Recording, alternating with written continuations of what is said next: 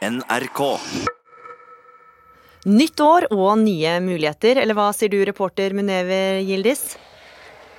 Ja, altså, her, Jeg er i en garderobe på et treningssenter nå, og jeg prøver å få på meg en bukse, men jeg tror kanskje jeg må ha litt hjelp.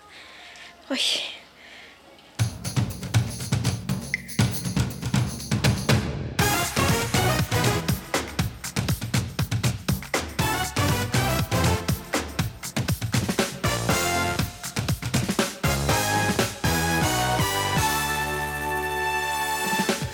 Erna Solberg vil at flere skal få barn før de er ferdig med studiene. Vi har møtt et ektepar som nekter å følge oppfordringa. Jeg vil ikke være Ernas fødemaskin, altså. Det er jo helt uh, klart. Ole Gunnar Solskjær var flink i alt, sier fotballstjernas tidligere gymlærer. Fotballfeberen herjer som aldri før. Og nordmenn vil være best i klassen eh, også når det gjelder å hulke sammen når det skjer noe trist. Det mener finske Sanna Saroma, som har hissa på seg halve kongeriket. Ja, velkommen til ukeslutt denne første lørdagen i 2019. Jeg heter Gry Veiby. Og som sagt, nytt år, nye muligheter. Som vanlig er det kø foran landets tredemøller, og vi skal på treningssenteret straks. Og kjører du bil, skal du vite at ukeslutt er med politiet på kontroll akkurat nå, for nytt av året er strengere straff for mobilbruk i bil. Mens rakettene smalt, var det mange som satte seg hårete mål for det nye året. Dårlige vaner skal veksles inn i gode, og du skal bli et nytt og bedre menneske. Slanking og trening står ofte høyt på lista, og vår reporter er intet uh, unntak. Menever Gildis, du hadde planlagt å stå klar nå, ikledd tettsittende Lycra-klær, men vi hørte at du sleit litt. Hva var det som skjedde? Du, det som skjedde var at uh, treningstightsen min hadde rett og slett bare krympet i skapet. Og det var veldig vanskelig å få den over leggene. Det var veldig trangt. Så jeg har uh, en uh, alternativ bukse. Den er litt sånn myk og litt enklere å ha på seg. Litt sånn som jeg håper at mine nyttårsforsetter skal starte med. Med meg her så har jeg Grete Støyland på Sats Bislett. Du, det er veldig mange folk her nå. Ja, i januaren så er det fullstendig kaos, nesten. Hvordan merker dere det? Nei, At det er fullt da, fra morgen til kveld. Eh, veldig stor pågang på gruppetimer, veldig fullt i studio. Alle har lyst til å komme i gang. Oh, ja. Bak meg her nå så trener, eh, løper folk på tredemøllen. Og det eneste jeg klarer å skimte blant nesten 20 tredemøller, så er det bare to som er ledige, Grete. Det er, det er veldig bra. Ja, det er i alle fall to som er ledige, men ellers så står de jo nesten i kø og venter på mølla òg. Eh, I primetime, gjerne på mandag og tirsdager. Sånn men Grete, jeg vet ikke om jeg kan si det, men de virker jo veldig godt trente fra før av? Ja, det er både òg. Det er selvfølgelig noen som trener hele året, som er godt trent. Men så har vi jo alle dem som kommer med nyttårsforsettene, som eh, tenker at nå skal de komme i gang. Så det er en veldig god miks. Sånn som meg, så jeg trenger ikke å få prestasjonsangst, med andre ord. Du, hva skal man gjøre for å begynne litt sånn mykt og godt og, og sånn stabilt? Ja, Det beste er jo bare å, å komme hit, syns jeg. Det har jeg klart. Ja, det er kjempebra. Nei, så er det Hvis en ikke har trent så mye før, så vil jeg jo anbefale gruppetimer. For vi har jo alt fra kondisjon, styrke eller kom i gang-timer. Sånn at det er litt lettere da, når en får fortalt hva en skal gjøre. Hvis ikke, så er det å begynne å gå på tredemølla. Eh, komme seg hit og ja, ellipse, tredemølle, ro litt. Nydelig. Der sa Grete det jeg hadde lyst til at hun skal si. Gå på tredemølla, begynn mykt. Det skal jeg gjøre om eh, litt. Ja, for Muneve, du skal faktisk eh, starte allerede nå, du, med nyttårsforsettene dine. Og vi skal snart høre hvordan det kommer til å gå. Erna Solbergs nyttårsønske har fått mye oppmerksomhet, også utenfor Norges landegrenser. Hun oppfordra nemlig nordmenn til å hoppe til køys for å lage flere norske arbeidstakere, og gjerne før de er ferdige med studiene.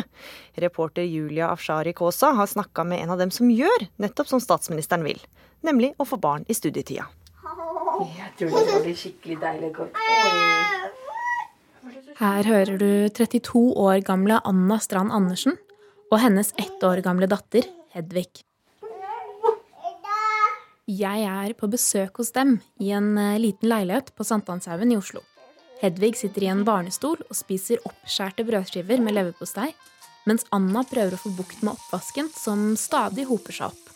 Hedvig, da skal vi bare bytte bleie, og så skal vi gå ut. Jeg skjønner kjempegodt at folk kvier seg for å få barn. Det er kjempedyrt. Jeg leste at et barn det første året koster minst 50 000 kroner. Et år inn i studiet på Oslo OsloMet fant Anna ut at hun var gravid. Sammen med samboeren sin tok hun avgjørelsen om å bytte ut pensumbøker og eksamenslesing med bleieskift og familieliv. Altså, jeg var innstilt på at det kom til å forandre seg ganske mye, men jeg er ganske overrasket over hvor stor forandring det faktisk er.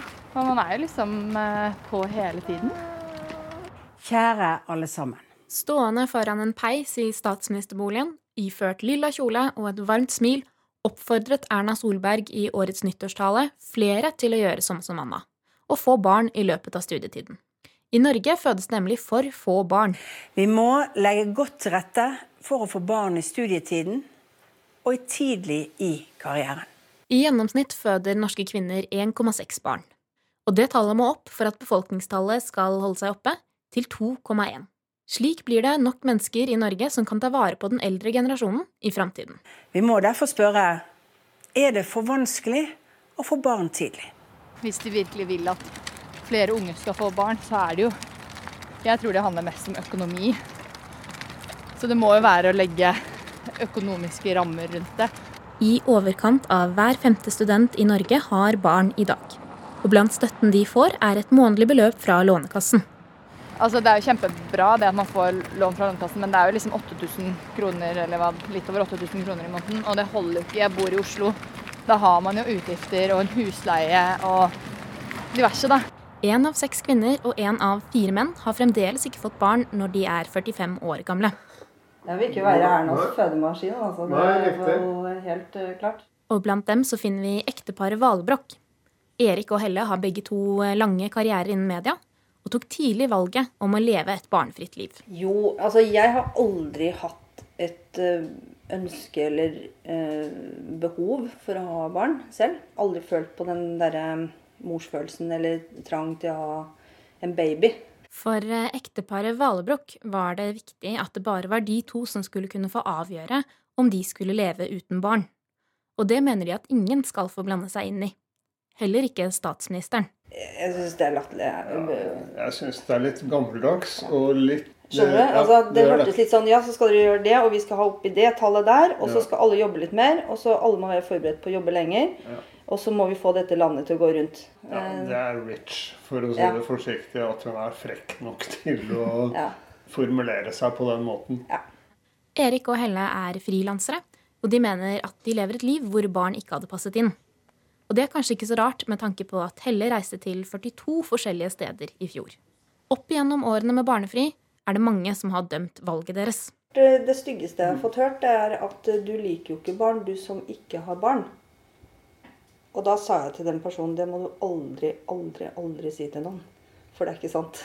Tilbake til trilleturen med den nybakte studentmoren kan Anna avsløre at hun er i ferd med å nå målet om å bli den ideelle norske kvinnen med to barn. For hun er nemlig gravid igjen og venter barn i juni. Hun skal bare ta eksamen først. Altså, jeg tenker at det kommer til å gå bra, men jeg har vært veldig mye mer bekymret for ting denne runden her. Altså sånn fremtiden Altså, vi burde egentlig flytte. Har vi råd til å flytte? Hvor skal vi i så fall flytte? Jeg tenker jo mye på sånn det økonomiske, og jeg lurer jo veldig på om jeg kommer til å kunne gå ferdig studiet.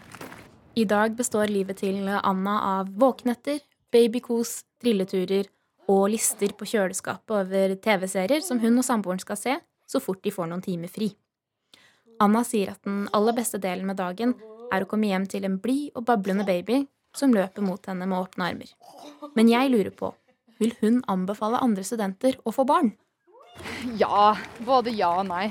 Man må føle Man må liksom Man, man må jo bestemme selv. Men det går fint å få barn når man er student, men det er jo kjempetøft.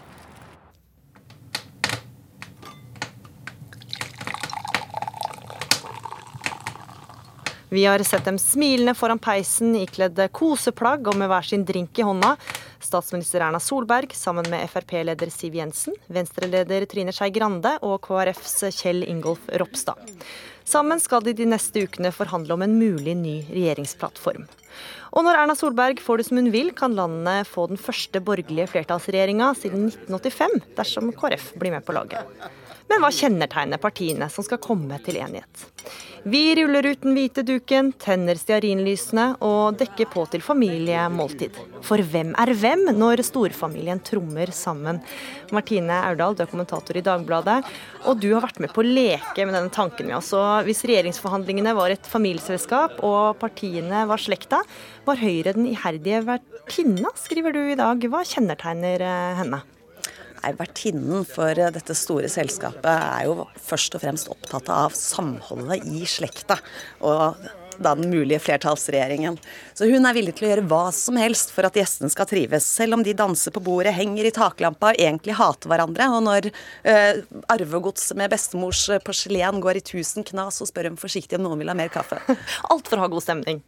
Og Fremskrittspartiet har du gitt eh, rollen som sønnen tidlig i 20-åra. Hvordan oppfører han seg i selskapet? Han vil jo gjerne være voksen, og har jo nå formelt endelig blitt det. Og han, eh, han, er med i det store voksenselskapet, men feilberegner kanskje stadig inntaket av akevitt og buser ut med karakteristikker som de andre helst ikke vil høre. Og det kommer han eh, til å fortsette med, som, eh, som flere av FrPs representanter presiserte i Dagbladet i går. De kommer ikke til å legge munnkurv på seg selv. Og det liker jo ikke onkel KrF. Onkel KrF, han er kanskje ikke sånn gladkristen, men litt mer sånn indremisjonspietist. Han er eh, godt voksen, han er streng, og han er eh, ikke redd for å spre litt sånn moralske anekdoter ut gjennom kvelden, og ser med misbilligelse da særlig på denne eh, fulle, unge, voksne gutten som, som er omtrent det verste han veit. Og så er det tenåringsjenta Venstre. Ja, hun er jo full av hormoner og har egentlig mer enn nok med å holde styr på sitt eget liv. Og syns egentlig at det er nok drama om ikke familien skal bidra til det. Hun syns hele situasjonen er så ubehagelig at hun gjemmer seg gjerne i et hjørne, prøver å gå i ett med tapeten, og snakker kun når hun blir snakket til. Da har hun noen fine og runde formuleringer om krig og fred og miljø og sånn. Og dette sier jo litt uh, hvor viktig disse forhandlingene er for de ulike partiene. Sigurd Knutson, du er advokat, forfatter av boka Å forhandle, og du er en dreven dreven forhandler. Men det er jo én viktig faktor da, som skiller dette fra et familieselskap, altså disse ordentlige regjeringsforhandlingene. For i et familieselskap så er det jo ikke et mål om å bli enig. Nei, det er både en utfordring, eh, fordi mange har veldig lyst til å overbevise andre i, i sånne familieselskaper. Og Der er det ofte en eh, balanse mellom å bevare sin integritet og si hva man virkelig har lyst til å si, og samtidig opprettholde det relasjonelle. Og mm. i en familie så er jo egentlig det at eh, de er en familie. altså eh, Relasjonen er jo egentlig det aller viktigste. Og da skal man i utgangspunktet være litt forsiktig om å være for skarp i kanten. Slik at man i hvert fall ikke støter noen andre mm. i den type eh, situasjoner, mm. sammenhenger. Er det, hvem er det du eh, tenker at har mest å vinne på disse forhandlingene? Eh, alle tror jeg har noe å vinne. Hvis ikke så hadde de ikke kommet sammen. Og alle er jo innstilt på å komme i mål. Hvis jeg får ta liten, et litt tilbakeblikk i de forrige forhandlingene som vi hadde på Jeløya, så var det jo ganske interessant. For at I utgangspunktet så ville jo ikke Fremskrittspartiet, eller Venstre ville jo ikke ha noe med Fremskrittspartiet å, å, gjøre. Men likevel så kom de i mål, selv om interessen eller det politiske budskapet var veldig forskjellige. Og det skyldes noe som også er veldig viktig, apropos familiesammenheng. Mm. Det er at man, har, man kan snakke sammen, man snakker samme språk, og at man egentlig liker hverandre ganske godt. Det sa Bondevik også i eh, en avis tidligere i uken, at det er utrolig hvor mye lenger man kan komme hvis man liker hverandre og man kan snakke sammen på en fornuftig måte. Ja, og Martine Aurdal, eh, Hvis man skal vurdere ut fra eh, bildene som har kommet ut fra disse forhandlingene, da, så liker de jo hverandre fryktelig godt der de står foran peisen og drikker hver sin drink? Ja, det ser jo ut som det er hyggelig, dette familieselskapet. Og det er vel et familieselskap som uh, for deltakerne kanskje forsoner seg som et arveoppgjør, der de er nødt til å bli enige om det ene eller det andre. Men hvordan skal onkel KrF og sønnen tidlig i 20-åra, Frp, hvordan skal de klare å bli enige? Nei, de er jo nødt til å, å behandle hverandre raust, som, som, det sies her. Eh, sønnen må prøve å legge bånd på seg selv, ikke buse uti med alle disse karakteristikkene og litt igjen på akevitten. Og onkel må på sin side prøve å ikke kritisere eh, sønnen for mye. Og så kan det godt hende at de klarer likevel da, å finne ut at hvis de, de, kan ha en god samtale, og kanskje er de enige om, om noen felles. ting likevel. Ja. De kommer tross alt fra samme familie, selv om det ikke føles sånn alltid. Mm. Knutson, rett før vi gikk på så snakka jeg om at det var viktig at de er gode til å forhandle. Men du sier alle forhandler hele tida, så man trenger ikke nødvendigvis å være så god til å kunne forhandlingskraften? Altså Vi alle forhandler alltid, hele tiden. Og som jeg pleier å si, du begynner å forhandle når du skriker etter mer pupp, eller ber om at noen skal ta oppføringen din, eh, fra du er eh, veldig veldig ung. Eh, og sånn gjør vi hele tiden. Og det bidrar også til å prege oss som forhandlere. Det er liksom en litt mastlåsk over det å forhandle også. At du må få dekket dine grunnleggende behov, og du må få dekket dine behov oppover i behovspyramiden. Eh, så vi alle forhandler mye. Men det er likevel forskjell på de som lykkes i forhandlinger, i vanskelige forhandlinger, og de som ikke gjør det. Mm. det Hva kjennetegner de som lykkes, da? Jeg mener jo at det er fordel å ha litt kunnskap om noe basisforhold, eh, basiskunnskaper i, og dette bygger også på empiri i, i, mange land, ikke så mye i Norge. Men særlig USA og England er de veldig opptatt av det. Og det er da utviklet et par begreper som er veldig Hvis man kan det og prøver å følge de, så hjelper det veldig mye på vei. Så hvis du skulle gi noen råd nå til partene som eh, sitter i forhandlinger? Ja, For det første så er det jo det å forstå motparten. Eh, og det tror jeg man er veldig flink til her. Jeg tror alle forstår veldig godt, i hvert fall Kristelig Folkeparti. Nå får Martine korrigere meg, som er ekspert på dette her. Og jeg tror man forstår, eh, forstår Høyre. De som kanskje har vært litt mer i bakgrunnen, det er eh, Venstre og Fremskrittspartiet, som brumler lite Grann. Men det er viktig at de, for etter min oppfatning, så er det Venstre og Fremskrittspartiet som virkelig sitter med makten her. Ut ifra et sånn forhandlingsperspektiv. Uh, så det er veldig viktig å forstå de også, og snakke godt med de.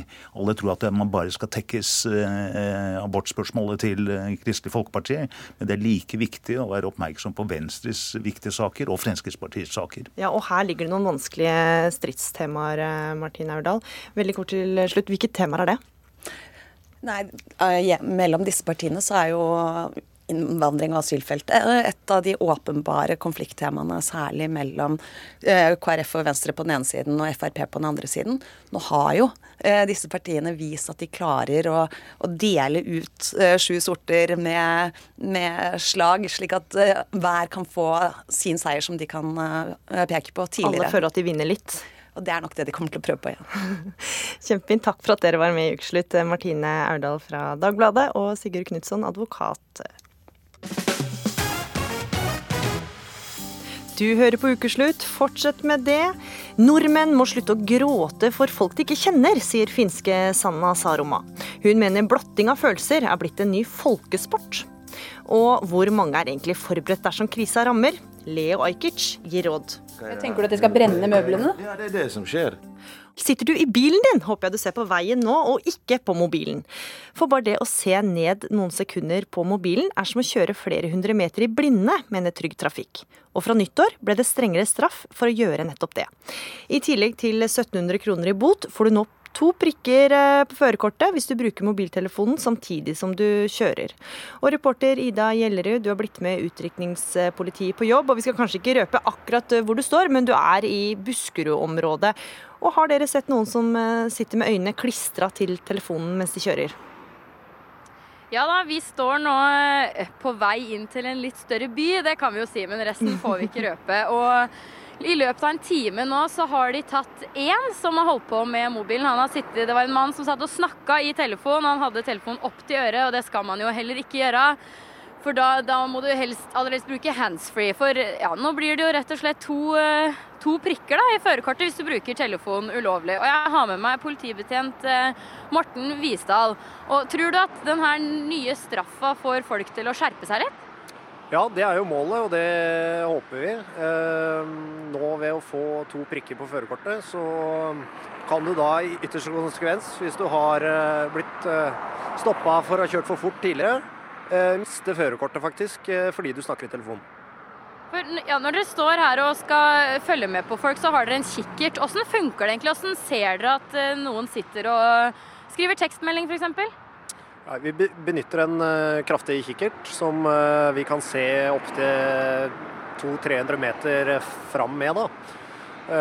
og sånn som det er på stedet her, så ser vi, ser vi da inn i bilen såpass langt fram at uh, de fleste eh, rekker ikke å holdt jeg på å gjøre noe før de oppdager oss, og da har vi allerede sett på de i 15-20 eh, sekunder allerede. Hva er på en måte verstingen av? Hva er folk dårligst på når det gjelder telefon i bilen? Eh, tidligere så var det jo mest fokus på det å snakke i mobilen. Eh, det har endra seg litt etter at smarttelefonen kom. Så det vi ser mest av nå, er jo eh, det som er farligst. Og det er å tekste eh, eller skrive på mobilen, eller sitte og lese og scrolle. Ja. Og nå eh, Trafikken suser jo forbi her sjøl om det er lørdag. Og sjøl om det bare har blitt tatt én så langt, så regner du vel med at det blir flere hanka inn underveis i dag? Ja, eh, så langt i dag så er det tre stykker som ikke har brukt belte, og så har vi en som har snakka i mobilen. Eh, det stedet vi står på nå, det er en kjent eh, plass for oss. og jeg regner med at vi fort kan få 10-15 stykk til her, bare vi står en time eller to til. Ida Gjellerud, du skal være våre ører og øyne ute i trafikken. Vi skal høre igjen fra deg seinere om hvordan kontrollen til politiet går. Å vise følelser er blitt en ny folkesport for nordmenn. Det mener samfunnsdebattant og provokatør Sanna Saroma. Hun mener nordmenn har fått enda et område der vi kan vise hvor gode og snille vi er, nemlig i sorgen. Og Sanna Saroma, du har definitivt trampa på noen tær med denne salven i en kronikk i VG denne uka. Hva var det som provoserte deg til å skrive at nordmenn er blitt glade i sorg? Vet du, Det har vært eh, mange hendelser i det siste. Det har skjedd mye i distriktet her hvor jeg bor. Altså, det har vært mange, mange dødsfall og mye sånn altså, i hele Norge, altså der hvor jeg bor. Hvor, eh, hvor disse dødsfallene har forårsaket en slags sånn massesorg, eller sånn massesørging. og altså Det som jeg skrev om, at, at, det er på en måte full mobilisering når noen dør. altså Da er det kommunen slutter å fungere, og skolen slutter å fungere. og og folk, folket skal samle seg og gråte sammen. Altså at det har blitt en sånn demonstrering av, av sorg. Ja, for Du kaller, du kaller det, det kappløp for nordmenn. altså Det gjelder å hive seg på bølgen. Men hva er det som gjør at du ikke tror på folk som sørger i flokk, da? Nei, for, de, for, det første, jeg tror ikke de sørger. Altså at Jeg tror det er en stor forskjell uh, mellom sorg og medfølelse. Jeg mener at Når noen dør, så er det jo de nærmeste, de etterlatte. De pårørende de har naturligvis en stor og knusende sorg. Eh, men, men det er jo ikke slik at, at, alle andre i hele kommunen har den sorgen. Altså, De kan gjerne og bør ha medfølelse. Eh, men, eh, men altså, det er mye, sånn, det er mye sånn surrealistiske eksempler. altså Bl.a. disse to studentene som, som døde i Marokko, og så stoppet omtrent universitetet i Sør-Øst Eh, Norge stoppet opp, eller rektorene reiste til deres campus og skulle liksom tilbys krisehjelp i alle bauger og kanter. Og, eh, og det er liksom, det er antakeligvis klassen, eller årskullet, uh, til disse studentene som kjente dem, og kanskje hadde den, den, store sorgen, og ikke minst familien. Men likevel skulle man liksom arrangere på en måte kriseteam og hele pakka på hele mm. universitetet. At det blir nesten sånn invitasjon at folk som ikke engang folk som ikke engang kjenner de som dør, skal være med på sorgen. Mm. Eh, Vi skal ta, ta inn en, en, annen person, Heidi Wittrup eh, Djup. Du er daglig leder ved Klinikk for krisepsykologi i Bergen. Og du ble provosert eh, over innlegget til Saroma. Hva var det du reagerte på? Ja, hei. Det var jo for så vidt tre ting jeg reagerte på. Altså for det første syns jeg det er en ordlyd i teksten som er uverdig. Der minnemarkeringer omtales som kollektiv hulking, der snørr og tårer spruter. Sorg omtales som et kappløp, eh, sånn som du er inne på. Gråting beskrives som et vikarierende motiv for å vise hvor snill man selv er. Eh, og For det andre så syns jeg ikke det er Saroma som skal få være den som definerer hvem som skal anerkjennes som sørgende, eller hvilke følelser som faktisk kommer til uttrykk når folk samler seg etter tragiske dødsfall. Hun skriver at det ikke er ekte, og at det bare handler om å vise fram sin egen godhet. og Det syns jeg er en mistenkeliggjøring av mennesker som viser medfølelse, som er veldig uheldig. Og for det tredje så overser hun helt hva disse samlingene er ment som, og hva de betyr for folk. Hensikten når folk samler seg etter tragedier, er jo ikke å fremprovosere en sorg. Det å komme sammen i et fellesskap der man kan vise medfølelse til de som er rammet, finne støtte og samhold hos hverandre. Og der man også som lokalsamfunn kan vise at man anerkjenner tragedien og hvilken betydning den har for de som er rammet. Sånn som f.eks. han rektoren gjorde ved å reise opp dit eh, og, og, være et talerør for medstudenter som selvfølgelig blir rammet. Og, og Sarmo kan heller ikke eh, bare stå Men, men djup f.eks. folk da som ikke kjente eller har noen gang møtt eh, noen av personene, og så er det hele kommuneapparatet som setter, setter, i gang, og man gråter for noen man ikke engang har møtt. Er, det, er, du ikke enig i at det kan være litt snodig? Jo, altså jeg er enig i at det er et skille. Og, og jeg er jo ikke, men det er derfor jeg er ikke helt enig i hele premisset som Sarama legger til grunn. Derfor hun kaller dette for massesørging når man kommer sammen i disse markeringene. Og jeg mener ikke at det er massesørging. Det er en symbolsk markering av at fellesskapet anerkjenner tragedien, og at man ønsker å uttrykke medfølelse og støtte i tilknytning til det. Og så man, blir man selvfølgelig påvirket når det er så dramatiske og brutale dødsfall som hun refererer til, der unge liv blir revet fra på en helt meningsløs måte og veldig brutalt. Mm. Ja, eh, Saroma, altså det der, Å dele sorgen med noen, er ikke det bare et tegn på medfølelse og på empati? da, At man står sammen? Jo, for all del. Og det er jo ikke, altså, er ikke mot, jeg er ikke mot empati og jeg er ikke mot medfølelse. Men det er litt, sånn, jeg har litt sånn følelse av at dette har gått over stokker og stein. altså at, at her har det skjedd. Nå har jeg jo ikke bodd i Norge lenge nok, men jeg vil tippe at her har det skjedd en sånn kulturell endring, kanskje etter 22. juli, hva vet jeg. Altså, at, at det, har ikke, det, har vært mer nøkternt før. Og nå det, det på en måte overrasker meg ikke at en krisepsykolog syns at dette er bra. fordi dette, er jo, dette blir litt som bukken og havresekken. Altså, det er Krisepsykologer lever jo av at folk, uh, at folk opplever en massiv sørgereaksjon. Altså, det er jo deres, deres nisje. Eh, men jeg tenker at medfølelse kan vises på så mange, på mange, måter. Og det er kanskje den der nøkternheten som jeg savner, som man kanskje hadde før. At nå er det litt sånn at, at, ja, det er nesten litt, litt sånn at at hvis du ikke er med på den fellesgråtingen, så mm. viser du ikke medfølelse. Men jeg tenker det er veldig mange måter å vise medfølelse på. Altså, at, øh, altså Som jeg skrev i kronikkene før i tida, så sendte man kanskje en representant fra arbeidsgiveren, kanskje fra studiestedet til bekravet som man kanskje skrev under på en sorgprotokoll.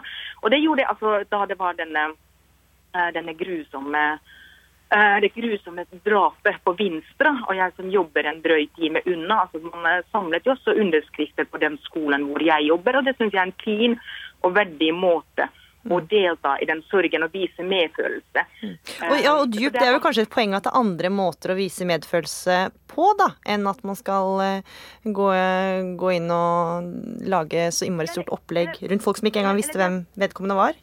Dyp. Ja, men det er noe med tilrettelegge Unnskyld. Det er noe med å tilrettelegge for at folk faktisk kan samles. der. Men jeg må jo si, selvfølgelig jeg er jo enig i at det, er, det, går et skille mellom de som kjenner avdøde og som er direkte rammet. Det er jo ingen som setter likhetstegn mellom familiene eh, til avdøde og de som aldri har møtt avdøde. Det er derfor jeg mener at det er jo ikke sorg i den forstand man gir uttrykk for. For sorg handler jo om den smerten og de reaksjonene man har på å miste en man er glad i, en som man står nær. Men det er klart at alle har levd sine egne liv. Alle kan ha egne tapsopplevelser de kjenner på. De kan ha bekymringer for livet eller bare i det hele tatt være empatiske. Og, og, det er så brutale drap og hendelser som refereres til. Og det behovet da for å samles, både for å vise den medfølelsen for de, på, eh, de etterlatte, men også for å ta avstand til de hendelsene som har skjedd. Men òg for å komme sammen og, og, kanskje også få hjelp til en måte å reflektere rundt hva er det som har skjedd. Og mange sitter og tenker hva hvis dette hadde vært meg? Og de får fryktfantasier og trenger eh, også litt veiledning på hvordan skal vi finne en felles retning ting fremover igjen. Hvordan skal vi klare å ta vare på hverandre i tiden fremover. Mm. Og Da er disse samlingene veldig verdifulle. Mm. Saroma, hva slags eh, reaksjoner har du fått på innlegget ditt eh, i VG? Og, um, men jeg vil, før, før, jeg svarer på det, jeg vil bare si at, at, at, kanskje mitt poeng var at for meg virker det litt sånn uekte og tilgjort, altså det, det å samle seg. Men, uh, men altså, apropos dette med altså, For å svare på spørsmålet hva slags reaksjoner jeg har fått Ja, for du har jo tråkka på noen tær. Ja, ja, og det visste jeg jo på forhånd at dette, skulle, at dette, var, dette var et vanskelig tema å ta opp. Og det er jo litt den der norske offentligheten. Altså at jeg får på meg med en gang at jeg er et uempatisk og fælt menneske. Altså Jeg måtte vite at jeg tåler at man angriper min menneskelighet fordi jeg setter spørsmålstegn ved, eh, ved denne praksisen. Og det har jeg fått uh, kjenne på kroppen. eller fått, Det fikk jo inn meldinger og og e-poster hvor, eh, hvor, man, uh, hvor man setter, setter, min menneskelighet i tvil, eller, eller uh, kaller meg for et uempatisk jævel eller et eller annet sånt. Og det var jo, det er jo selvsagt ikke Eller jeg, jeg, er ikke den personen som noen ønsker å lage meg til. Mm. Uh, så det er på en måte den der, hva skal jeg si, den der um, baksiden av å delta eller ta, sette i gang en slik debatt. Men samtidig altså, så er det veldig mange mennesker som ser poenget mitt, altså som ikke dømmer meg ut fra dette utspillet, eller dømmer min menneskelighet eller manglende menneskelighet ut fra dette utspillet, men som sier akkurat sånn som jeg sier, at vi har også lurt på at hva er det blitt av oss nordmenn, at hvorfor gjør vi dette, mm. og hvorfor er dette blitt sånn markering etter markering, altså at det er sånn som jeg skriver, at dette er et kappløp i sorg, at altså, det er dør det en i en bygd, og neste bygd så må de liksom gjøre det enda større. Altså at uh, Kriseteamene må være på plass fortere, og det må være fakkeltog, og det må være liksom hele pakka. Uh, og Det er jo det som jeg også får høre, det som jeg innledningsvis uh, drøftet litt, eller, um, eller, kastet ut dette spørsmålet, at er ikke dette et ganske nytt fenomen mm. i Norge?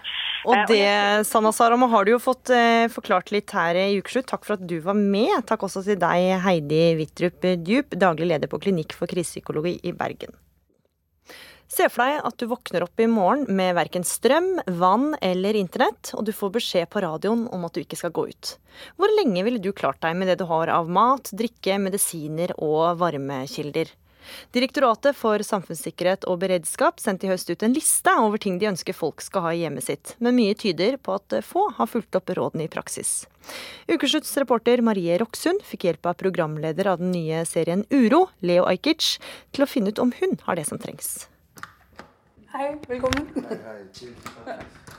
Jeg har fått besøk av Leo Ajkic, programleder i dokumentarserien Uro, som hadde premiere på NRK denne uka.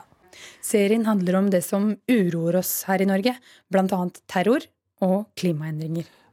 Nå er Leo i leiligheten min for å se om jeg har alt jeg trenger hvis en krise skulle oppstå strømbrudd, andre ting. Det kan skje pga. mange grunner. Det kan komme en liten komet uh, og treffe Island, så kommer det en flodbølge. Så må vi vente syv dager til noen graver oss ut. Da har du overlevd pga. du tok til deg ting fra brosjyren, f.eks. Ja. Ikke vet jeg. Brosjyren Leo holder i handa er laga av DSB, Direktoratet for samfunnssikkerhet og beredskap. I oktober sendte DSB ut denne brosjyren til samtlige husstander i Norge. Målet er at man skal klare seg selv i sitt eget hjem i minst tre døgn. To pakker knekkebrød per person. Jeg tror ikke jeg har en eneste pakke med knekkebrød. Og Nå har det jo vært jul òg. Ja, men man trenger jo ikke knekkebrød. Det kan være flatbrød, det kan være nøtter. Ja. Nøtter ja. går ikke. Ja, en pose mandler. Mandler er sikkert bra Masse mandler. Ja. Ofte når jeg gjør ting, så er det backstage mandler og sånne ting. Ja. og jeg tar det med hjem. tar det med hjem? Ja, jeg tar det med hjem. Du har det lageret? Ja, ja. De fleste vil mene at Norge er et trygt land å bo i. Men hva gjør du om du plutselig våkner og verken har internett, vann eller strøm? Leo går bort til peisen og kaster et blikk på de to vedkubbene jeg har liggende ved siden av. Det er ikke nok til å varme opp peisen. Du må ha litt mer ved. Men du har jo møbler, da. Ja. Og du har jo Jeg ser hva jeg, jeg Tenker du at de skal brenne møblene? Ja, det er det som skjer. Ja. Altså Sarajevo, hovedstaden i Bosnia, det var ikke tre igjen i sentrum. Og skolene, alle pultene ble tatt fra hverandre, og, de, og stolene, og folk tok det med hjem og brente det. Det brenner jo bra, da, det trebordet jeg har her. Sånn gammelt trebord. Ja, det er solid. Det kan du det... bli varm på en hel ja. dag. Det, det hører du. Men det er jo heller ikke alle som har peis hjemme. Hva gjør man da? Det vet jeg ærlig talt ikke, men eh, det er altså å kle på seg. Stearinlys. Vi har grunnvarme, så det går ikke på strøm uansett. Jeg har tenkt at jeg skal kjøpe meg sånn femliters eh, kanne med vann og ha stående. Så kommer jeg nok til å Jeg jobber i helsevesenet selv, så jeg kommer nok til å ha jodtabletter. Ja, for hvis det f.eks. skjer en atomulykke og Norge blir ramma av radioaktivt utslipp, kan det å ta jodtabletter redusere risikoen for å få kreft. Og nå kan man få kjøpt disse tablettene reseptfritt. Er det mange som har kjøpt jodtabletter her i det siste, på apoteket?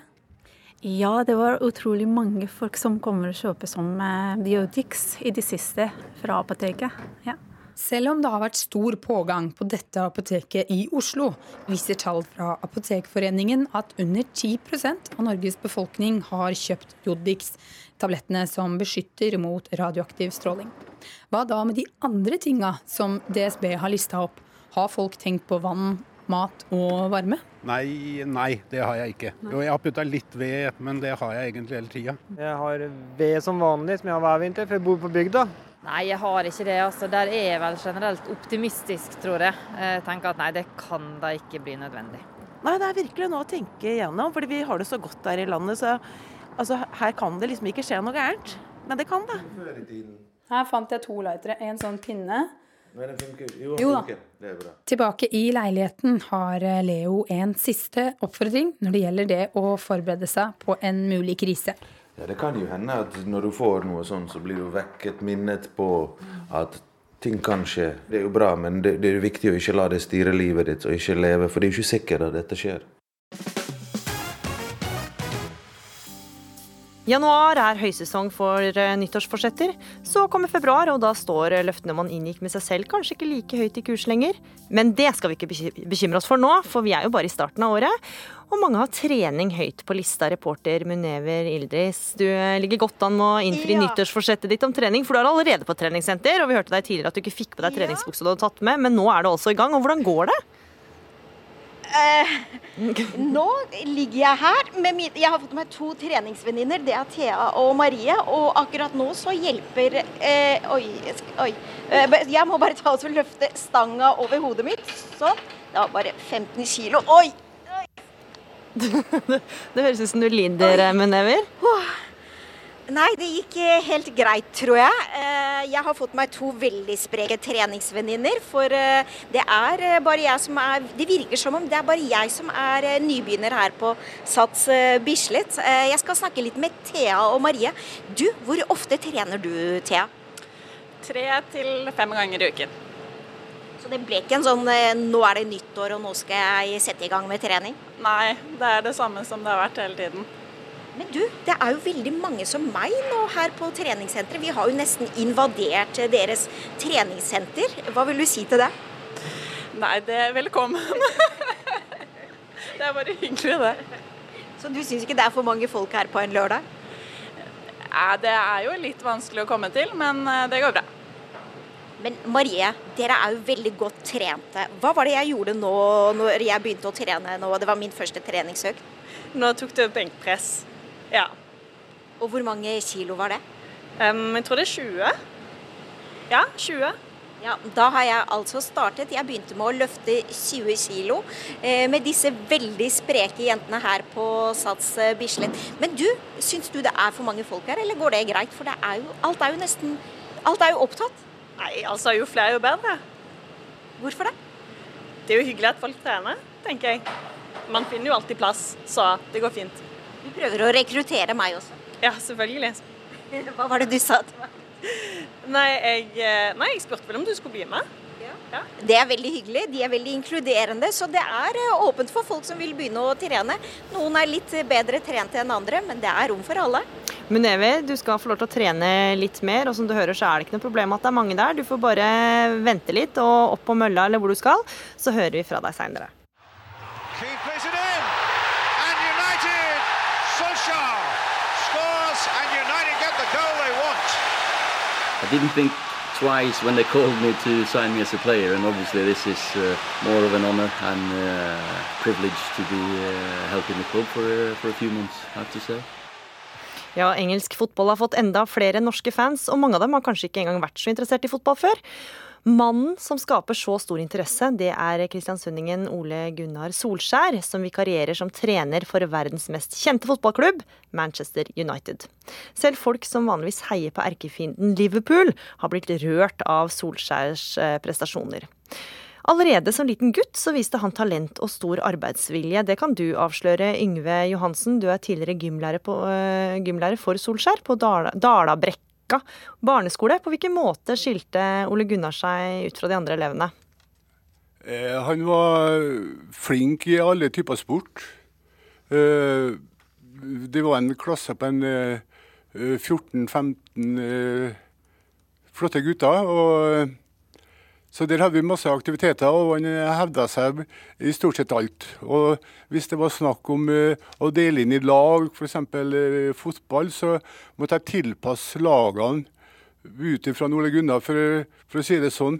Jeg kunne ikke la han få med seg de beste, for da ble det overlegne seire, og det ville vi ikke ha. For laget han spilte for, de vant alltid? Ja, det var ofte sånn. Ja, men det var ikke bare ballidretter vi drev på med. Da, men eh, jeg hadde en sånn lærerkalender. og eh, der skrev jeg opp ulike resultat, om det var 60 meter stille lengde, eller om det var resultat fra de kuppene vi hadde. og på det, den ene kuppen vi hadde, så spilte han faktisk for Manchester United, og de vant, da. Mm. Men, er, ja. men, det går jo rykter om at uh, han som liten faktisk var Liverpool-fan. Aha, så han bytta side fra det han likte som liten. Men du som er da tidligere gymlæreren hans, hvordan, hvordan, er det for deg nå at han er trener i verdens mest kjente fotballklubb? Ja, Det er jo helt spesielt. Det er jo helt unikt at man klarer å komme dit som man er. Da. Vi får håpe at det varer. Mm. Men eh, det blir jo bare spekulasjoner. Mm. Julie Bråttkorp, du er administrerende direktør i Maskinentreprenørenes eh, forbund, og du har en ytring på trykk i NRK her i dag hvor du forteller at du har blitt inspirert av Solskjær. Hva er det som har inspirert deg? Altså For meg så, så tror jeg de fleste som kjenner meg, ikke akkurat vil definere meg som noen fotballekspert. Eh, men når sånt, en sånn person kommer frem i mediebildet, så, så, så blir jeg alltid interessert i å følge med hva, hva, hva har gitt denne suksessen. Eh, og som leder så, så, blir man interessert i hva er det han gjør som leder. For det han har, har, har, fått til nå, og da er ikke jeg så opptatt av resultatene, men, men måten han, han, hele tiden fremsnakker laget, og ikke bare akkurat de på banen, men alle rundt, det tror jeg veldig mange har eh, mye å, å lære av. Og der er det liksom særlig tre ting jeg da har lagt merke til. For det første så hører du aldri han snakke om jeg. Og det er ganske fristende når du får den suksessen du gjør. Han snakker om vi, han snakker om fellesskap, og han legger vekt på også støtteapparat, han legger vekt på supportere. Og alt dette er han tydeligvis veldig bevisst på, at alle har en like viktig rolle for suksessen. Den måten han gir den gode klemmen til den spilleren som blir tatt av banen. Den type ting kan vi lære mye av. Og så er det et annet eh, ledelsestrekk som man ser ved han, og det er jo at sånne som jeg, som i utgangspunktet kun sitter og ser på fotball fordi du har noen guttunger hjemme som er veldig opptatt av det, eh, at vi også forstår hva han sier. Mm. Og det, det, viser en trygghet, at han har ikke noe behov for noe jåleri og noe stammespråk. Han snakker så alle forstår. Mm. Og når jeg forstår hva han snakker om, da er jeg helt sikker på at alle spillerne i hvert fall forstår eh, hva han snakker om. Mm.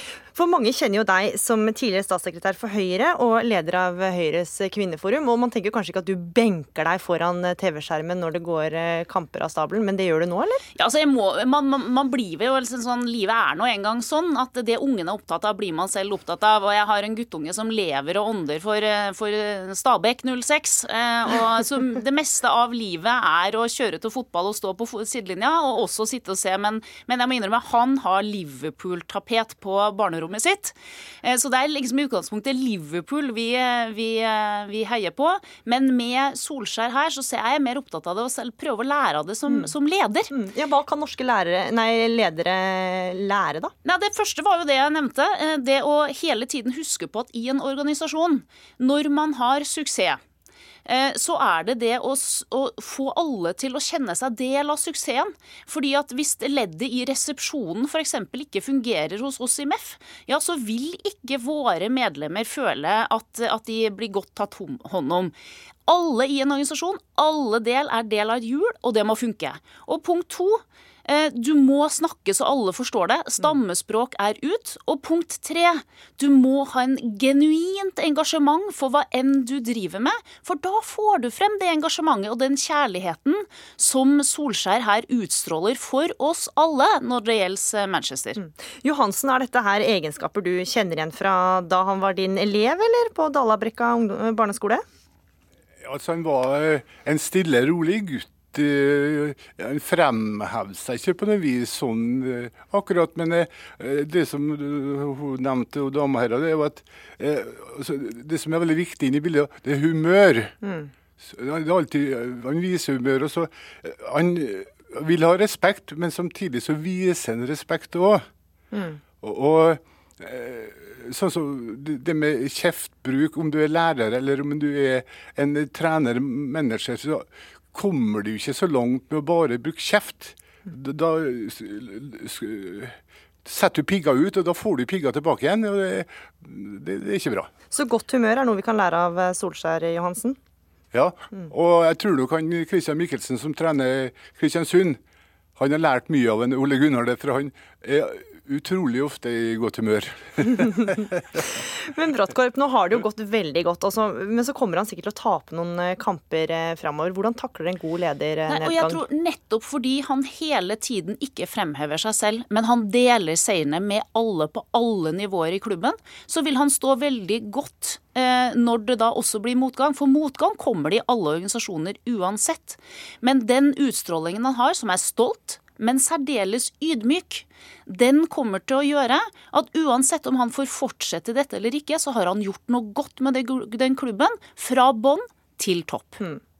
Og Manchester Uniteds neste kamp er eh, faktisk om få minutter, klokka 13.30. Skal du løpe hjem for å se Bråttkorp? Ja, jeg må se det, og jeg må innrømme at selv om man da eh, huset heier på noe annet, så har man fått en interesse for Manchester nå. Problemet blir vel når de spiller mot Liverpool eventuelt. En liten interessekonflikt der. Hva med deg, Johansen? Kommer du til å følge med på kampen? Den tror jeg ikke jeg får inn. Jeg skal hjem og lage ferdig bacalao. Ja ja. Noen ser på fotball, andre lager eh, bacalao. Takk for at dere var med i Ukeslutt, eh, Yngve Johansen, tidligere gymlærer for Solskjær, og Julie Brottkorp, administrerende direktør i Maskinentreprenørenes Forbund. Nå kan det koste deg både 1700 kroner og to prikker på rullebladet dersom du taster på mobilen mens du kjører. For denne uka kom eh, nye regler som skjerper straffen for å bruke mobil eh, i bil. Og reporter Ida Gjellerud, vi skal tilbake til deg. Du har blitt med utrykningspolitiet på jobb, og tidligere så hørte vi at dere hadde tatt én person som kjørte bil og snakka med mobil i hånda. Har dere tatt noen flere som sitter og fikler med mobilen istedenfor å følge med på veien? Vi har dessverre det. Altså, det har blitt tatt eh, nå fem stykker til sammen, tror jeg, som eh, har holdt på med mobilen. Og eh, ja, det er jo, det er jo litt kjipt, da, rett og slett. I hvert fall nå når det er to prikker. Og akkurat nå så var det ei dame som blei hanka inn her, og uff, det gikk ikke så bra, det her. Nei, men det kunne vel ha gått verre. Ja, hva var det, du, hva var det som skjedde med deg her? Holdt du satt på telefon?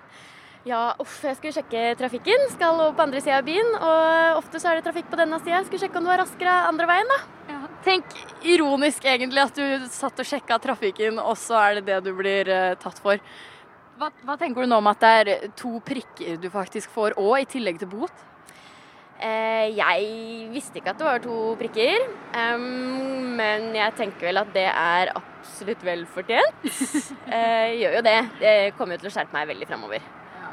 Hva var reaksjonen din da når du så at uh, de vinka deg inn til sida her?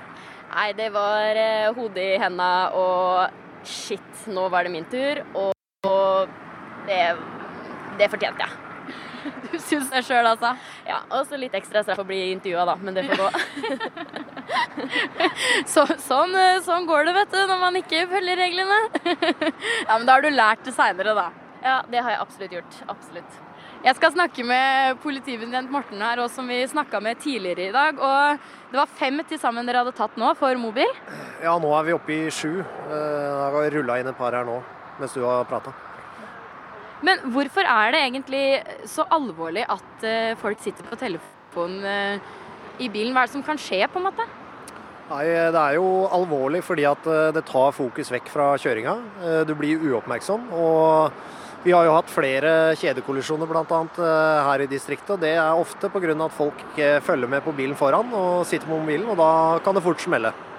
Men jeg kan jo stille litt dumt spørsmål òg, da. Fordi eh, man kan jo sitte og knotte på eh, bilradioen. Jeg kan jo styre med radio og GPS der, men ikke på mobil. Det er jo egentlig nesten det samme. Ja, eh, det er jo for så vidt det. Eh, Per nå så er ikke det straffbart å taste på radioen på bilen. Men hvis du eh, havner i en ulykke, og det viser seg at det er pga. at du har vært uoppmerksom fordi du har tasta på GPS-en eller på radioen i bilen, så er også det straffbart.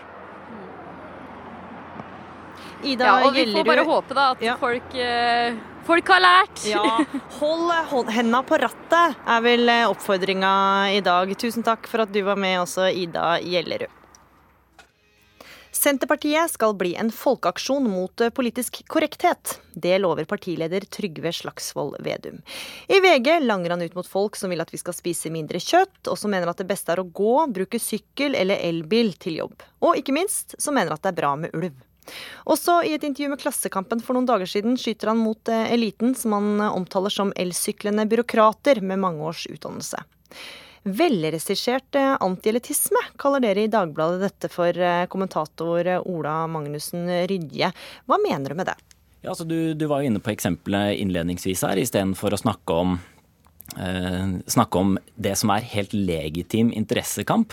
Altså det å kjempe for distriktene, eh, være imot sentralisering, være imot ulv osv. Istedenfor å ta det på med argumenter i en vanlig debatt, så karikerer eh, Vedum og Senterpartiet meningsmotstanderne sine. eh, Og sier at de da er eh, elitister som elsykler, hva nå enn det, det har med saken å gjøre. Og gjør dermed at vi ikke blir presentert for argumentene deres. Debatten blir fremstilt på en måte som at det ikke er det sentrale, men at det her bare er da en Oslo-elite som er mot en bygdelite, uten at vi egentlig får vite hva er det som er argumentene bak. Mm. Ja, Trygve Slagsvold Vedum, hvorfor eh, var det nødvendig å omtale at de har elsykler? Altså, det var jo et bilde på det som er et stort problem. Eh, I mange diskusjoner er det de som bor langt fra virkeligheten, har stor makt, mens de som lever med virkeligheten nær kroppen, ikke har makt i det hele tatt. Og det er det som er diskusjonen i denne ulvedebatten, når det her bildet kom opp, da, er at de som bor da i ulvesona, de har knapt noe de kan få sagt i det hele tatt i diskusjonen om hvor mange ulven skal ta ut. Mens de som kan gå på jobben eh, på departementet i Oslo, eller sykle på jobben i, i, i departementet i Oslo, de har makta. Og det er det som skaper en sånn eh, stor aggresjon, ikke minst i en ulvedebatt og mange andre debatter, at man føler slags sånn overkjøring, at den ikke blir sett, den blir ikke hørt, og så blir den overkjørt til slutt.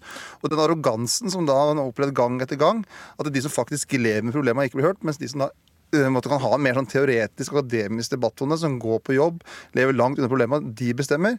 Det er en utvikling som vi er imot. og så Da brukte jeg det bildet nettopp på det at eh, for å synliggjøre hvor makta faktisk er i en del eh, situasjoner. I går så var jeg i Men kan du ikke da være med på å måte, skape et litt sånn fiendebilde, da? Av, eh, av, for du skriver, altså I en video på Facebook snakker du om ulv, og da omtaler du motstanderne dine, altså de som ikke vil skyte ulv, for dem som tar elsykkelen på vei til departementet. Er ikke det litt karakterist... Altså, skaper du ikke karakteristikker?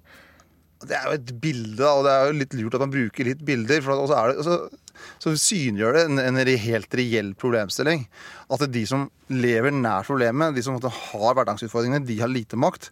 Mens de som har makta, er de som måtte leve langt unna problemet, som ikke, ikke lever i den naturen der faktisk da f.eks. ulven er. Og da er, må man jo få fram det i et politisk ordskifte. At man vi i Senterpartiet ønsker at det skal være mer lokal beslutningsmakt. At det skal ta mer lokale hensyn. Og høre lokalbefolkninga. Én ting er diskusjon om ulv. I går så var det diskusjon om ambulanse i Indre Troms, der man, der man mister ambulansetjenesten. Og de som sitter da igjen da i Salangen, opplever at de er helt avmak avmektige. Eh, fordi at de, det er et byråkrati som de ikke får kontakt med, som tar den beslutningen langt, hodet, langt over hodet på dem. Ja, Rydja, her er det jo bare å bruke bilder, da, så folk forstår hva han snakker om. Hva er problematisk med det? Nei, altså Jeg syns at mange mange av bekymringene Vedum, Vedum ytrer er helt legitime og helt, helt streite. Altså Argumentene han kommer med nå også, ikke for hvorfor han skal eh, på en måte sverte motstanderen eller karikere, eh, karikere dem, det argumenterer han ikke for. Men argumentene for hvorfor det er viktig at vi har en samtale om folk som bor langt unna makta og opplever at de ikke blir hørt, som ofte også kan være legitimt. Eh, Det, det syns jeg bare vi skal ha, men det er ikke altså måten Vedum gjør det på, og måten mange andre gjør det på, med å sånn iscenesette en antielitisme. Det er ikke god maktkritikk. Det er ikke en god måte å få frem faktisk hvordan det føles eh, å, å ramme seg en eller annen politikk, eller eh, hva det måtte være. Eh, og det er ikke en god måte å si hvordan skal vi ha en nasjonal forvaltning av en del politikkområder. Eh, så det, er sånn, det, det jeg savner, er jo at man har argumentene uh, istedenfor. Altså, er, eh, Senterpartiet gjør jo dette også veldig ofte, eh, på en helt streit måte. Argumenterer istedenfor å karikere. Eh, Og det synes jeg også at det er sånn Det er greit, du kan si det er humoristisk, du kan si at det er bilder, eh, men jeg tror at hvis vi får mye av det her, eh, så vil vi få en økt polarisering der hvor det blir vanskeligere å møtes om de faktiske saksforholdene. Det blir vanskeligere å lytte til hverandres argumenter og finne kompromisser. Eh, og det blir enklere å bare skape karikaturer og få mer splittelse. Nå syns jeg at uh, er veldig hårsår for at jeg har sagt at den sykla på jobb, at det er en sånn forferdelig måte å beskrive et annet menneske på. Det syns jeg er å dra det litt vel langt. Og så er det bare et faktum da, at det er sånn en del saker. At det er noen som da har muligheten, bor i Oslo sentrum, går på jobben, tar beslutninger som da ikke angår deres hverdag. Og det mener jeg er et problem, at mer av de beslutningene burde vært tatt der faktisk problemet er. Og det er jo ikke... beskrivelse av virkeligheten. Og så ta, ta Men det Vedum, opplevde det er jo ikke første gang du har blitt trukket fram som eh, populist eller en som maler med veldig bred pensel. Dette er jo da en karakteristikk du har til felles med Donald Trump. Hvordan trives du med det? Det er jeg litt blaffen i, egentlig. For jeg må bare si hva jeg mener. Altså, Jeg mener at det er eh, forferdelig uklokt når regjeringa overkjører 87% av befolkninga i Finnmark og tvangssammenslår det med Troms. Altså, jeg var i Troms og Finnmark i går. Eh, og det som er svaret mot populisme og negativ populisme, er at man faktisk lytter på folk. Og det regjeringa gjør da med å overkjøre befolkninga i Finnmark, f.eks., det er direkte uklokt. Eller det jeg opplevde i går når jeg diskuterte ambulanse. Altså Man fjerner ambulansen fra den lille kommunen Salangen. Der skal de få dårligere tjenester. Så blir de overprøvd med at de tidligere hatt mulighet til å bruke scooter ut til noen eh, hytter. Ja, vi trenger ikke å ta hele den saken over. Jo, men nå, nå har noen byråkratier da sagt nei til det. Og det er jo den type umyndiggjøring av folk i hverdagen som skaper et sinne, og det er en reell eh, interessekonflikt. Og så har noen prøvd å stemple meg som populist og Trump. er- og jeg, er unna, jeg er så langt unna Donald Trump som det går an å få blitt. Men det viktigste for meg er å si det jeg mener. Jeg- få, jeg fram de, få, få fram de Ja. interessene som jeg representerer, og det er at vi skal lytte på folk i hele landet. Altså jeg mener, eh, mener at det er langt mellom deg og, deg og Donald Trump, eh, Vedum. Men du har jo ikke bare sagt, da du sa at jeg var hårsere, at du bare sagt at de er elsyklene. Du sa også at de har flere års utdanning, at de er venn med journalister, eh, at de jobber i departementene, at de bor innenfor 3. Altså det, det er denne måten her du prøver å skape et bilde av én type gruppe eliter som er imot og aktivt jobber mot og ikke kan forstå. Og ikke skal faktisk få lov til heller å ha noe å si på hva slags eh, politikk man også skal føre ute i, i distriktene eller i resten av Norge. Jeg syns det er mange, mange gode, legitime, fine argumenter for Senterpartiets politikk. Og de bør også tas opp eh, i rikspolitikken og lokalt som alle andre eh, saker bør gjøre, men man kan gjøre det uten karakteristikkene. Trygve Slagsvold Vedum, mange vil jo si at du tilhører eliten. da. Du har høyere utdanning, du sitter på Stortinget, tjener 950 000 kroner i året, du har stortingsleilighet i Oslo og en diger eh, gård. Er ikke du Altså, karikerer du, karikerer du ikke deg selv? Jeg er jo folkevalgt og stortingsrepresentant. Og når du er stortingsrepresentant, så representerer du noen interesser, representerer folk. Og det som jeg er veldig opptatt av den rollen som stortingsrepresentant. Men er du folk, at du skal da? være ja, selvfølgelig er jeg folk. I hvert fall ikke- Men er du en del av det vanlige folket? Men når du har høyere utdanning, digg i går, nesten en million i lønn? Nei, Jeg er heldig for all del. Jeg er kjempeheldig for å få lov til å være stortingsrepresentant og representere folk i Hedmark på Stortinget. Og, for, og også få være partileder så få representere folk i hele landet og diskutere hverdagsutfordringer med folk. Så det, det er et kjempeprivilegium. Men og hvor større privilegium du har, hvor mer ydmyk skal du også være. Og Det var også noe av kritikken i den lederartikkelen til Dagbladet. at Jeg måtte late som jeg var ydmyk, at, liksom, at jeg drev og jåla meg for at jeg ikke ville snike i køer og den type ting. Jeg mener at eh, vi som er ledere skal Min ledelsesfilosofi Jeg prøver i hvert fall å ha tanken om tjenende ledelse. Og da hvis du er heldig og er stortingsrepresentant, så skal du være ekstra ydmyk. øh, Og møte folk, diskutere, og ikke heve deg over det andre. For hele folkestyret vårt er avhengig av tett kontakt mellom oss som er stortingsrepresentanter, og de som har gitt oss den makta i fire år. Og det er bare, heldigvis bare i fire år vi har Bare helt eh, kort slutt her, Du går jo ut mot folk som har elsykkel. Vil du noen gang kjøpt av deg selv, eller? Ja, men det er jo et bilde. Poenget er at jeg ønsker at makta skal være nært der folk bor. Og ikke minst en del av den rovdyrpolitikken. Så er de som blir berørt av politikken, de har ikke makt nesten i det hele tatt. Mens de som bestemmer, de kan gå til departementet eller sykle, Sykle til departementet. sin. Ja. Takk til deg, Trygve Slagsvold Vedum. Takk også til deg, Ola Magnussen Rydje fra Dagbladet. Og i en undersøkelse som Klassekampen presenterer i dag, er ikke eliten heller så begeistra for Senterpartiet. Både Senterpartiet og Fremskrittspartiet har 1 oppslutning blant dem som sitter med makta i landet, ifølge Institutt for samfunnsforskning. Vi skal tilbake til hårete nyttårsforsetter, eh, og til deg, reporter Munever Gildis. Du har allerede gått på en smell. Du har faktisk eh, forlatt treningssenteret. Betyr det at du må justere nyttårsforsettet ditt om å begynne å trene, eller? Nei, jeg mener at jeg klarte å fullføre en liten del av det. Jeg klarte å være på et treningssenter over ja, la oss si én time. Og så for første gang i mitt liv så prøvde jeg benkpress. Eh, Det gikk så som så, eh, men jeg fikk noen veldig gode råd. Det var å gå, gå i 15 minutter. Nå har jeg faktisk gått i 15 minutter, og jeg er på Karl Johan i Oslo for å snakke litt med folk om hvilke nyttårsforsetter de har. Eh, Sanne, jeg møtte deg akkurat. Du er 19 år. Har du noen nyttårsforsett? Ja, det er jo det å trene mer og spise litt sunnere og være et bedre menneske generelt, da. Rett og slett. Men du ser, ut som et, du ser veldig godt trent ut. Du ser ut som et godt menneske. Går det bra med nyttårsforsettene dine? Vil de si det? Ja, ja, det- ja, det gjør vel det. Du, ja, men du, har du hatt eh, andre nyttårsforsetter eh, før, eh, f.eks.? Eh, ja, så gjør det bedre på skolen og ja, egentlig det. Og hvordan gikk det? Det gikk så som så, men ja. Jeg tror det gikk bra, jeg. Ja. Og så har vi Bengt, han skal til militæret. Du, rett før du skal til militæret, hvilke nyttårsforsett har du for deg da? Ja, Rett før militæret så var det målet mitt å trene, trene før jeg skulle inn. da. Og hvordan har det gått? Nei, det har gått opp og ned. Betyr det at du startet i fjor, da? ja, på, jeg gjorde det. Men har du fått noen resultater? Ja, det Nei, jeg vet ikke om jeg har fått noen bedre resultater, men eh, ja. Og så er det en gjeng med unge jenter her. Jenter, hvordan går det med dere? Har dere noen nyttårsforsetter? Dere er såpass unge. Jeg tenker, Trenger dere det? ja. Vi trenger det vel ikke, men vi har det jo, da. Og hva er det? Det blir vel å spise sunt, trene og fortsette å få gode karakterer. Marte? Ja, det er jo litt det samme som karakterer. Sånn, 10. klasse er jo et viktig år, og så trene og leve det sunt og sånt. De er veldig fornuftige, disse unge menneskene vi har møtt på Karl Johan. De har nyttårsforsetter, de skal bli flinkere på skolen, bedre mennesker og spise sunt og trene. Kanskje litt sånn som mine, bortsett fra at jeg ikke har noe skole å gå på og ikke trenger å tenke på karakterer. Men treningen, den må jeg satse ved. Ja, du har jo gått i 15 minutter allerede, så jeg vil si at du har gått på vei. Men Never, for øvrig så hørtes jo alle disse nyttårsforsettene ganske gjenkjennelige ut, da. Men Never Gildis, takk for at du var med i Ukeslutt. Ukeslutt er slutt. Ansvarlig for sendinga var Kari Li. Det tekniske ansvaret hadde Eli Kyrkjebø. Og her i studio var Gry Veiby. Og vi tar gjerne imot tips og tilbakemeldinger, vi. Da er det bare å sende en mail til ukeslutt, krøllalfa, nrk.no. Takk for at du hørte på.